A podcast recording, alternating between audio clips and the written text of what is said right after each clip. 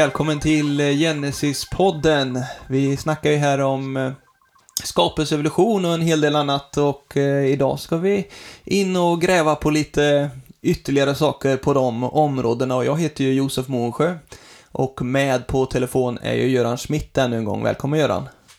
Mm. Hej Josef, tack! Trevligt, trevligt att du är med. Vi, vi börjar ju bli ganska rutinerade på att uh, spela in sådana här poddar nu, även om vi gör det på ett ganska primitivt sätt uh, hemifrån via telefonlänk och sådär. Men det, mm. det funkar ju bra. Och vi hoppas att mm. våra lyssnare tycker att det är trevligt och roligt att vi spelar in på, på de här uh, sakerna. Och Eh, nu häromdagen Göran så hade vi ju ett webbinar också. Vi hade lite webbsamtal som vi sände live. Och eh, det tyckte jag ju var väldigt trevligt. Vad var din eh, känsla kring det hela? Jo, men det blir lite mer eh, som vanligt på något sätt.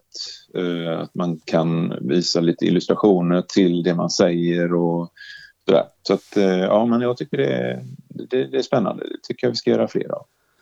Precis, och, och eh, det som är roligt med ett sånt tillfälle är ju det att man kan eh, ja, ge mycket möjlighet till att ställa frågor och sånt där tycker jag också. Eh, för det är klart, när vi kör podcast så här, då är det inte lätt att få in några frågor eh, i livesändning och så riktigt, utan det dröjer ju ofta ett tag för att eh, ja, man ska få ställa sina frågor och få svar på dem och sånt. Ni får jättegärna skicka in frågor, det brukar vi ju säga, till podden genesis.nu.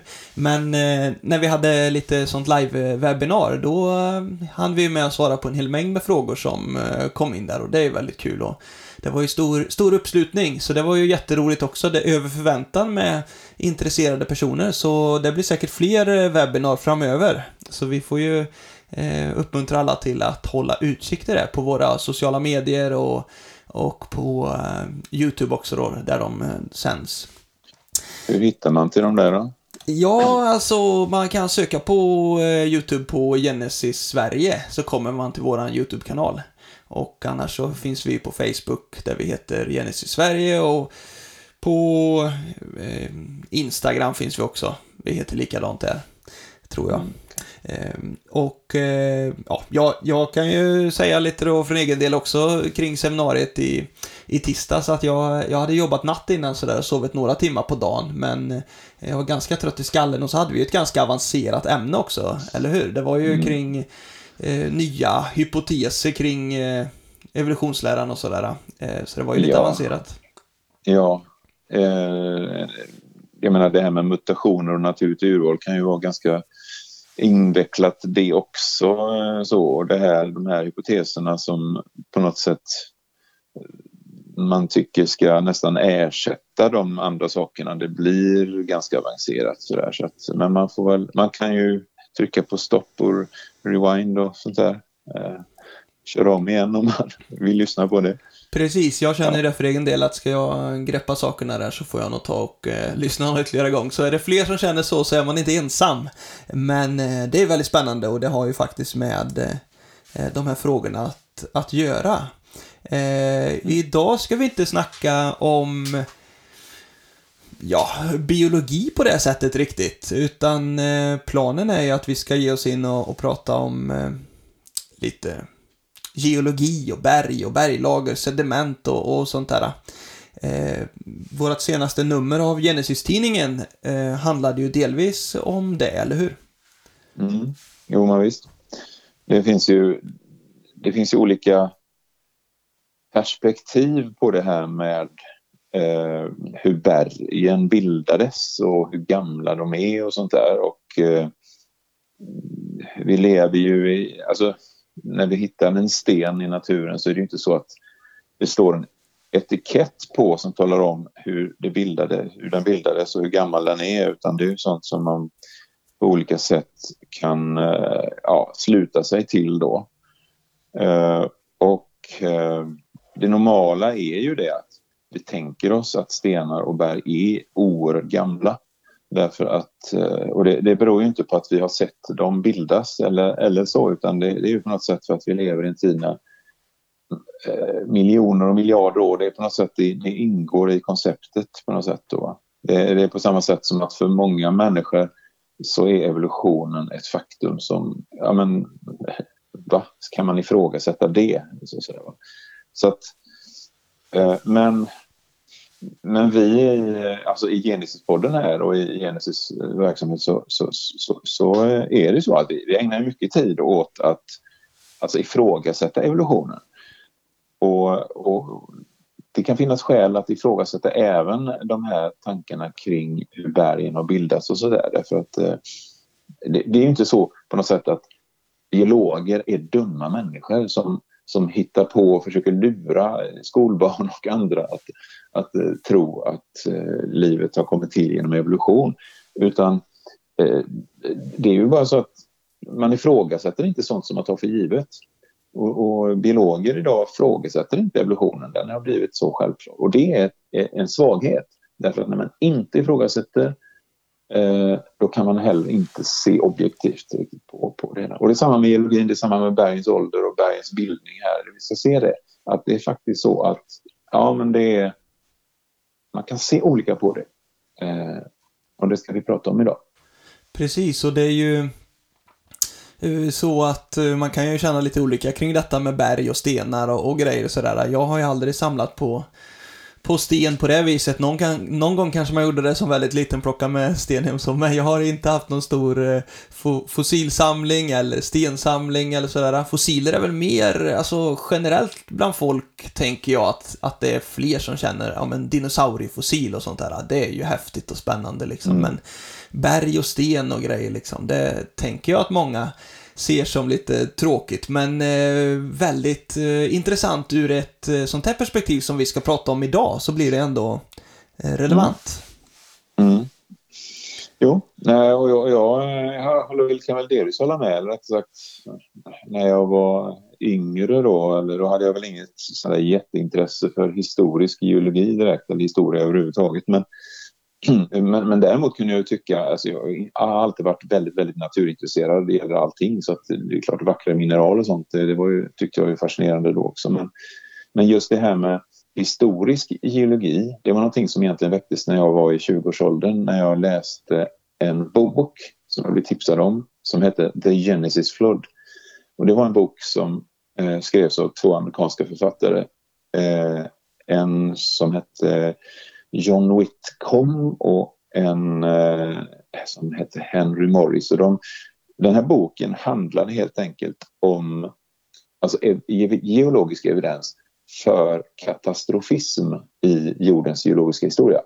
Alltså därför att ända sedan 1700-talet så hade geologin eh, varit helt och hållet eh, ska säga, präglad på att, att bergen har bildats på precis samma sätt som, de, eh, som det sker processer i naturen idag. Det vill säga, om det är så att, vilket det är, att eh, sediment samlas på djuphavsbottnarna med en hastighet av en millimeter per tusen år ungefär. Eh, så är det samma sak med bergen. De hade också bildats sådär svindlande långsamt. Och eh, och, och, och det var liksom på, på 1960-talet då när den här boken skrevs så, så var det verkligen, eh, alltså det var, det, det var så att säga revolutionärt eller vad ska man säga, reaktionärt snarare att, att hävda att, att, att eh, det hade funnits katastrofer i jordens geologiska historia. Därför att allt sedan 1700-talet när de skotska geologerna Hutton och Ryle liksom eh, avfärdade syndaflodshypotesen och istället eh, började då räkna med enorma tidsåldrar. Sen den tiden så, så, så var det helt dominerande då. Så den här boken krockade verkligen med samtidens eh, syn på bergbildning. Och jag tyckte det var jättespännande då eftersom det kopplade det hela till just Bibeln då som jag, jag, jag var ganska nykristen på den tiden och tyckte det var fascinerande. Man kan väl säga det att, att eh, geologin har utvecklats under åren precis på samma sätt som biologin har utvecklats. Eh, och eh, som skapelsetroende så har ju vi ägnat oss åt evolutionskritik i många år sådär och eh, eh, vi har kritiserat mutationer, vi har kritiserat naturligt urval och, och, och sagt att det, det, det, där kan inte skapa nya livsformer. Liksom sådär, va? Och faktum är att när man tittar på vad biologin står idag, det var ju också det som, som vi pratade om i webbinariet det senaste, så är det så att nu har eh, alltså biologer börjat överge den klassiska darwinismen till förmån för nyare mekanismer. Det, jag misstänker att man faktiskt har lyssnat på oss skapelsetroende i vår kritik. Det, det skulle de aldrig erkänna, men jag tror faktiskt att det är så. Eh, eller så har de börjat öppna ögongluggarna lite grann mer för vad, vad, vad, naturen faktiskt säger. Och i geologin nu då så är det faktiskt något liknande. Så att för att när den här boken kom, The Genesis Flood, då var det alltså helt tabu att prata om katastrofism. Men idag så har även geologer då, eh, de har antagligen också läst The Genesis Flood för att idag talar man mer om katastrofer i jordens geologiska historia. Eh, man gjorde det inte på 60-talet men idag gör man det ganska mycket. Mm, även där har man börjat öppna ögonen lite grann och jag tror att man kommer att öppna dem lite mer, ännu mer och då är man nästan framme vid vårt perspektiv här. Så att, så att som bibeltroende geologer så har man liksom fått, fått flytta fokus de sista årtiondena här. Eh, från början fick man argumentera för att bergen vittnar om katastrofism och inte långsamma processer. Och idag får man mer argumentera om att det är inte tusentals små katastrofer vi talar om utan en enda stor katastrof, nämligen syndafloden. Så vi får se vad som händer med det. Uh, ja, Just det, det så, lite... så, det är där som man befinner sig idag då liksom? Att, att det ändå skiftat lite då i, i, ja, i historien liksom, hur man ser på geologin. Men, eh, ja, det, men vad, vad det finns... Det är en spännande utveckling. Mm. Vad finns det för någonting, när man tittar liksom på de här berglagren då? Uh... Mm. Ja, man tar Eh, alltså fossil och sånt det hittar man ju då i så kallade sedimentära berglager. Det är alltså när, eh, till skillnad från vulkaniska bergarter som, som kanske är aska och liknande eller lava som flyter ut Eh, så är det berg som har bildats genom att till exempel lera, sand och, och andra sediment har eh, tryckts ihop då och eh, cementerat kan man säga och blivit, blivit, blivit hårdare. Då. Och eh, det finns faktiskt eh, eh, saker som... Eh, normalt sett så brukar man tänka sig att de här bergarterna tar det miljontals år för att bilda då, långsamt, långsamt, långsamt. Men det finns faktiskt saker och ting när man tittar på eh, hur bergen faktiskt ser ut så finns det saker i berget som gör att det finns skäl att betvivla att det har tagit så lång tid. Jag kan nämna några sådana saker. För det första, och det här kan man se när man går ut till en, om, om man går ut på sommaren till en, en grund havsvik till exempel. Och så tittar man på botten där. Då kan man se att det finns liksom vågor i sanden. Liksom. Det, det, det, är som, ja, men det är randigt i sanden. Eh, det blir oftast på grunt vatten, det kan vara på djupare vatten också om det är väldigt starka strömmar men, men oftast så handlar det om att det är på grunt vatten. Då får man sådana här vågslagsmärken i sanden. Eh, man kan också se att det finns, eh, den som är, brukar vara på västkusten känner igen de här korvarna av sand som ligger på sandbotten. Som, det är då sandmaskar som, som gör de där. Då. Det finns liksom hål i sanden och lite grund, ännu grundare vatten så ser man att det, det, har gått, man kan se fotspår av fåglar och andra djur som har som har gått. Och till och med efter en kraftig regnskur så kan man se att det finns liksom små gropar i, i sanden efter regndropparna som har slagit ner. Och så, va? så den typen av eh, formationer hittar man ofta i berg.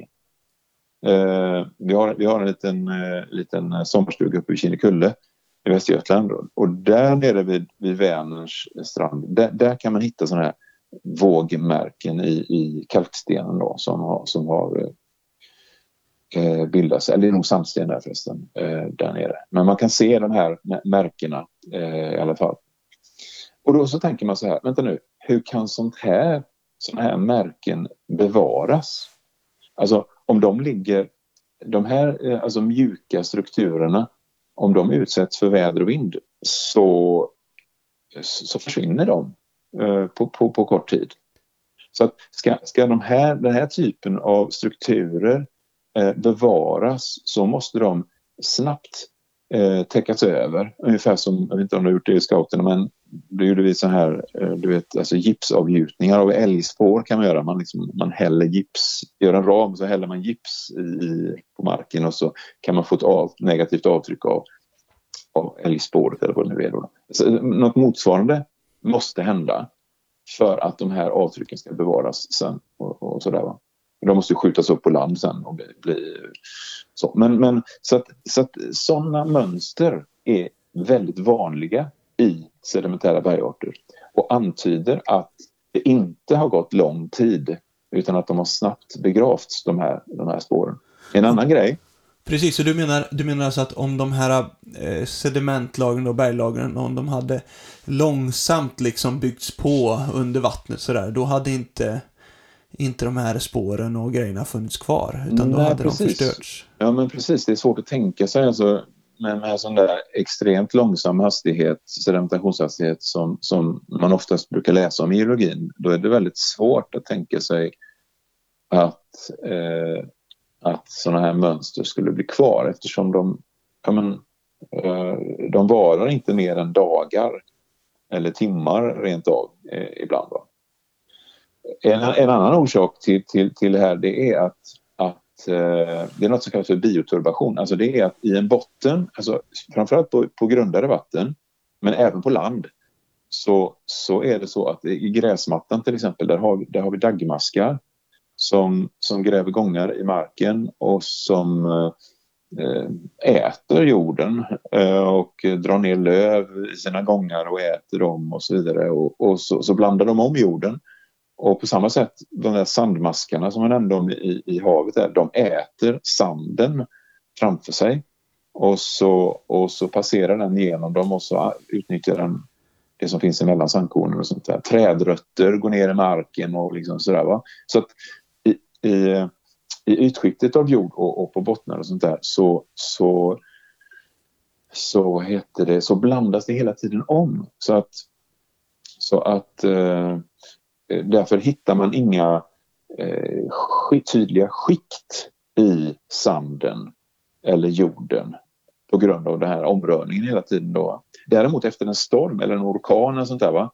då när man går ut och tittar på stränder då kan man hitta att sanden och, och sedimenten blir skiktade liksom, eh, på olika sätt och vis. Då, va? Just det, och hur ser det ut i, i de geologiska lagren, alltså de historiska Ja, men där, där, där, har, där, där har du ju verkligen, där har du jätte, alltså, alltså hundratals meter, kilometer tjocka eh, bergformationer med, med snygga horisontella skikt. Det räcker att bara tänka på Grand Canyon eller titta på ja, Kinnekulle som återkommer till då. Liksom, när man tittar i berget där så är det liksom horisont, snygga horisontella skikt eh, utan några som helst tecken på att det bryts av någon bioturbation och sånt där. Va? Så att de, de här lagren i bergen, att de är så horisontella, parallella hela tiden vittnar om att det inte har funnits tid för eh, eller tillfälle för att eh, för några djur eller växter att blanda om de här sedimenten där då. Så att eh, och det tyder på katastrof då helt enkelt? Det det Ja, men Ah. det, ty- det tyder på att, att, att lagren har lagts ner snabbt och de har begravts så djupt så att inga eh, djur och växter har kunnat få tillfälle att eh, möblera om i bland sedimenten. Då, va? Men jag menar, tänk dig själv, enligt evolutionsteorin så har ju markytan alltid funnits där eh, och vimlat av liv, alltså på land och i även sjö och hav. Liksom så här, va? Men, men var finns spåren? Om det alltid har varit liv, varför, eh, varför finns, finns det inga spår av det i, i bergen då? Eftersom det är, på, det är på marken och på botten som de här lagren bildas. Men där finns ju livet. Så varför skulle det bildas de här skikten? Så det, är, det är en annan sån här sak som är som är eh, ja, den vittnar om någonting annat än det som, som den klassiska synen är. Då. Finns det fler saker som pekar på eh, katastrof i berglagren? Ja, vad ska man säga? Ja, det finns ju, det finns ju andra saker. Till exempel när vi hade en, en våran årskonferens nu uppe i eh, Götene så var vi på en exkursion och eh, kikade lite grann i kalkstenen på Kinnekulle och där, där, där kunde vi se, och det kan man, man se att många gånger så ligger fossil i, i det här fallet var det ortoceratiter, alltså en, en typ av fossil, en, en bläckfiskgrupp som inte finns längre, men som bildar de här eh, koniska avlånga randade skalen som man kan hitta i marmortrappor och sånt där. Alltså, de ligger där i kalkstenen och många gånger så hittar man dem liksom eh, i, i, stora sjok och alla ligger parallellt med varandra. Eh, alltså ibland kan de ligga på kors och tvärs också men, men anmärkningsvärt ofta så hittar man dem liggandes eh, alldeles parallellt med varandra i, i de här berglagren. I samma riktning och, och, liksom? Deras i samma skal riktning, ligger i samma riktning då? Och jag menar, men jag menar när en, en bläckfisk dör, eh, vad är det som säger att den skulle föredra att dö och hamna parallellt med någon tidigare avliden bläckfisk? Nej, utan, utan det här att de ofta ligger då, det eller även på andra ställen handlar det om eh, fisk, hela fiskstim, inte här i i Sverige då, men i andra delar av världen hittar man hela fiskstim där alla ligger med huvudet åt samma håll eh, i ett lager och så sen så i lagret ovanför där kan de ligga med huvudena åt ett annat håll. Eh, och, och, det där han vittnar då om alltså att det har funnits ett strömmande vatten eh, som har haft en, en sorterande effekt eh, av skal till exempel medan fiskar alltid står med huvudet i strömriktningen. Så att, så att det, det, men, men det vittnar, oavsett vilket så vittnar det om strömmande vatten som har då eh, kommit med stora mängder med sediment och begravt. Och de här bergformationerna kan ofta växla väldigt snabbt. Alltså knivskarpt så kan till exempel ett rött lager med kalksten följas av ett grått lager med kalksten och sen blir det ett rött lager igen. Eh, till exempel. Och, och, och, och, det finns liksom ingen gräns de emellan som är, är, är, är alltså det finns inget, alltså gränsen mellan dem är knivskarp. Det bara är, plötsligt blir det annorlunda. Eh, och det, det, det, är också någonting som vittnar om att ja, det kanske finns andra eh, orsaker med här än att eh, plötsligt i ett ögonblick så förändras hela livsmiljön. Det kan ha varit så att vi har haft strömmande vatten som har fört sediment från ett visst område och sen så har strömriktningen ändrats och så har vi fått sedimentation av andra typer av eh, partiklar då, som har gett en helt annan färg. Så att det finns andra, det finns alternativa förklaringar. Det här, det här vittnar om någonting annat. Sen vet jag inte, du kanske i förra numret av Genesis hade Mats Molén en artikel om jord, eh, alltså vad som kännetecknar den svenska geologin. Och då sa han någonting generellt där. Han sa det att just eh, eh spår av jordarter är, finns det väldigt lite, förvånansvärt lite av i berggrunden. Eh, då. Eh, därför att egentligen, säger Mats då, så, så hittar man eh, alltså fossila jordar hittar man egentligen bara väldigt, väldigt långt ner i, i berggrunden. Och det som kallas för prekambriska berget, där det i stort sett inte finns något liv. Där hittar man eh, spår av jordar. Och sen hittar man det högst upp så att säga, från kvartär, kvartär som är den ja, men senaste geologiska perioden brukar man säga då. Eh, där hittar man också spår av jordar, framförallt från istiden och, och så vidare. Men däremellan, i alla de här lagren där man hittar fossil, alltså krita och djura och trias och alla de här, där hittar man inga, eh, inga jordar. Eh, vilket är ganska fascinerande. Varför? Alltså det borde ju finnas jordar överallt i den geologiska lagren efter att jordar alltid har funnits. Eller åtminstone då eh, åtminstone när de har varit alltså, på land, landekosystem då. Precis, för det är klart man gräver upp eh, hästar och, och dinosaurier och allt möjligt liksom i fossillagren då. Även om det, det mesta är ju vattenlevande djur och så va. Men, eh, mm. men det är klart att det borde verkligen finnas spår efter jordar mm. i de här lagren ja. då. Ja, det, det borde det göra. Och det, det, sen kan, kan jag säkert återkomma till att diskutera varför de, de, man hittar dem där de, där de gör då. Men jag kan bara nämna en, en sån här grej till som jag skulle eh, kunna nämna om det. Det är så kallade polystrata fossil. Och det är till exempel att i, en, om, om, i, i många kolgruvor så har det varit eh, ganska riskabelt många gånger därför att rätt vad det är, alltså det sitter i taket många gånger små svarta, eller inte små, men ganska stora svarta eh, runda saker som brukar kallas för kittlar. De sitter där i taket. Och de, de har man tyckt var farliga därför att rätt vad det är så kunde en sån där kittel då släppa och bara ramla ner i huvudet på, på, en, på en gruvarbetare. Eh, det visar sig att de där kittlarna, de där runda sakerna då, det är helt enkelt trädstammar i tvärsnitt. Det är alltså förkolnade trädstammar som går rakt lodrätt genom bergformationerna. Och när man då eh, tittar på dem nerifrån och uppåt så ser det ut som en rund grej. Men det är alltså själva verket en träd, förkolnad trästam som då ibland kunde släppa och ramla rakt ner. Så att, eh, den typen av fossil är också någonting som gör att man kan ifrågasätta de här långa bildningsprocesserna därför att det finns alltså många geologiska lager som genom Eh, skärs av eh, trädstammar, eh, förstenade eller förkolnade.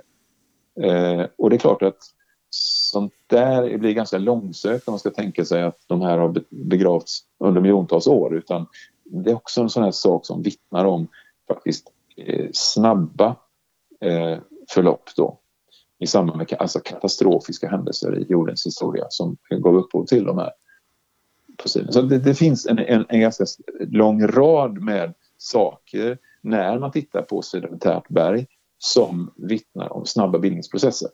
Det, det, det är det då. Sen kan man fundera på, ja, men, men är, det, är det möjligt att de kan bildas så snabbt då? Det, det... Precis, och vad som skulle orsaka det givetvis då ja. Och eh, jag vet ju att det finns ju något sånt här exempel var från USA. Eh, Mount St. Helens eller något sånt där heter väl det. Något sånt mm. vulkanutbrott som eh, visade en del. Mm. Ja, ja. Alltså för att det ska bildas eh, till exempel sandsten eller, eller eh, någon annan sedimentär bergart så, så, behövs det, det behövs egentligen, alltså tidsfaktorn är ganska oväsentlig faktiskt. Det, det, det kanske man inte tror, men så är det faktiskt. Utan det som behövs är att de här sedimentlagren som då är mjuka eh, och blöta, eh, att när de pressas ihop, till exempel av sin egen tyngd helt enkelt, så, så pressas mineralkornen närmare varandra och sen så eh, kan då kemikalierna i, i, i den här vätskan där, då, då ser de till att det cementerar ihop då. Och det här kan gå fort. Så där, där som du nämnde där, Mount St. Helens, där, där var det då eh, alltså slam, alltså vulkanisk aska eh, och vatten som, som blev stora eh, mängder med slam. Jag tror upp till och med något tillfälle tror jag det var upp till 200 meter slam som, som bildades på, på, på vissa ställen där. Eh, och, och, som då trycktes ihop. Och det tog fem år. Eh, så, så, så hade de här partiklarna eh, cementerat ihop så att, så att det kunde bli i princip lodrät, en princip lodrät eh, vägg där. Och på andra ställen var det inte lika högt men men, men så att, så att eh, sådana här berg kan alltså bildas. Det är helt enkelt, det beror på trycket, det är kopplat till temperaturen också eh, och eh, kemin helt enkelt. Så att, så att det handlar om så att, så att eh, sediment kan, det kan ta dagar, det kan ta några år, kanske hundratals år i, ibland. Men längre tid behöver det definitivt, inga miljontals år behövs det för att bilda sedimentärt berg. Den saken är klar. Just det, och det är klart att eh, det här St. Helens där, det var ju är det på 70-80-talet någon gång detta som det skedde, eller? eller hur? Ja, det var 1980 som det började smälla där nere. Just det. Och, och det finns ju mer saker som kom fram i just den eh, grejen, liksom man såg, alltså man tänker Grand Canyon och sånt där och det är liksom någon Coloradoflod som rinner långt ner liksom i den här i, i eh, kanjonen då, eller vad man säger på svenska. Eh, men, men sånt behöver inte heller ta så lång tid, va? För det kan ju många tänka, då, ja men det kräver ju årmiljoner liksom för de här klyftorna att grävas fram där, där floder ja, ja. och sånt rinner. Ja, men det, det, är ju det intrycket man får därför att, jag menar, ser man nu har jag aldrig varit där själv, men jag har sett bilder liksom att ser man den här lilla Coloradofloden längst ner och så de här enorma dalgångarna så, så inser man ju att det här måste ha tagit miljoner år. Det är ingen tvekan. Men, men vid St. Hel Helens så finns det en, eh, en eh, sån här kanjon som, som kallas för Little Grand Canyon.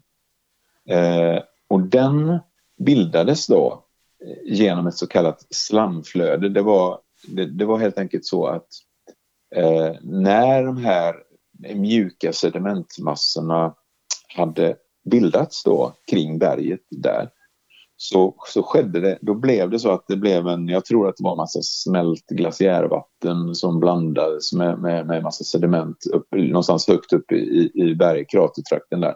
Och så brast det på något sätt och så, så att det blev ett slamflöde ner igenom den här, de här mjuka sedimentmassorna. Och därigenom alltså, så bildades bara på, inom loppet av, jag, jag tror det, det handlar om några dagar där, så, så, så gröptes det ut det som då kallas för Lilla Grand Canyon. Och, och i den lilla kanjonen då, där rinner det en liten bäck idag. Liksom.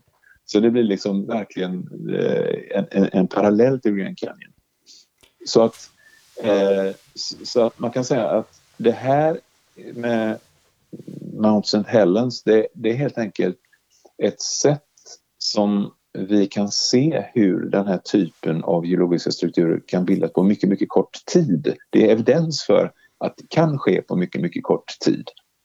Så Grand Canyon, Grand Canyon skulle kunna ha varit alltså att när Colorado-platån var förhållandevis mjuk i sin konsistens så att säga då.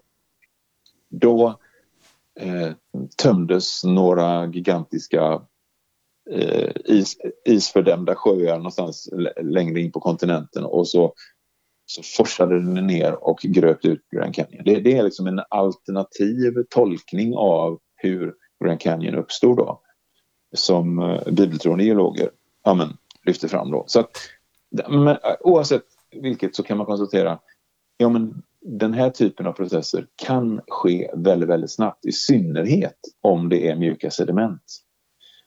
Så. Precis, och bergen har inte riktigt hunnit stelna liksom. Det är det som är mjuka sediment.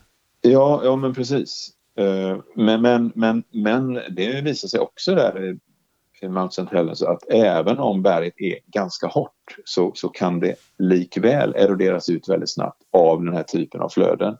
Så att eh, det är spännande.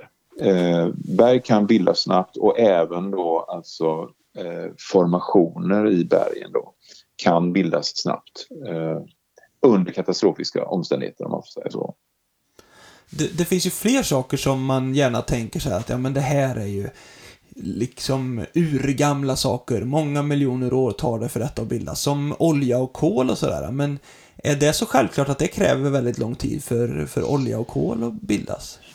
Nej, men det, det, det är samma sak med det. det, den, det den, den, traditionella synen är att det har tagit lång tid. Eh, och jag, jag, vet inte om det står i läroböckerna idag, men när jag gick i skolan då, då, då fick man ju lära sig då hur, att stenkol bildades genom torvmossar och sen så omvandlades torven efter miljontals år till brunkol och sen så blev det så småningom stenkol av det. Eh, och att det tog jättelång tid. Men eh, alltså, det är inte så. Eh, det finns ingenstans på jorden där man kan iaktta att sånt faktiskt händer. Eh, alltså att torv omvandlas till kol. Utan, utan det som behövs det är det är högt tryck och hög temperatur. Inte ens högt tryck behövs förresten men, men, men liksom eh, tar man växtmaterial eh, och eh, hettar upp det så omvandlas det till kol. Det är en, det är en vanlig laboration som man gör i skolan. Eh, man hettar upp trä och så blir det kol utav det. Inte för eh, mycket att, syre får det inte finnas då, varför då brinner nej, det upp? Sy, sy, nej, det är precis. Syre, syret får inte finnas med då, för då brinner det upp. Liksom, va? Men, men, eh, men annars så, så räcker det. Det räcker faktiskt med hett vatten för att omvandla trä till kol, alltså riktigt överhettat vatten då. Eh, och när, det, när, när väl den här förkolningsprocessen startar nere i marken då, under tryck så frigör alltså själva omvandlingen av trä till kol den utsöndrar egen värme så att säga, eller frigör egen värme så att, så att det krävs egentligen bara att, att det startar upp den där reaktionen så omvandlas då trä under tryck till kol. Och, och det, det, finns, det kan katalyseras det där av alltså, vissa vulkanisk aska och sånt där som, som kan göra att det, det kräver förhållandevis lite värme för att starta reaktionen då. Så att Eh, så stora kolfyndigheter skulle alltså kunna bildas på vad, vad handlar det om då? Några år eller några månader? Ja, eller vad ska vi prata bilda, om? Alltså det, det, det, handlar om, det, det, kan handla om det skulle kunna handla om timmar eller dagar.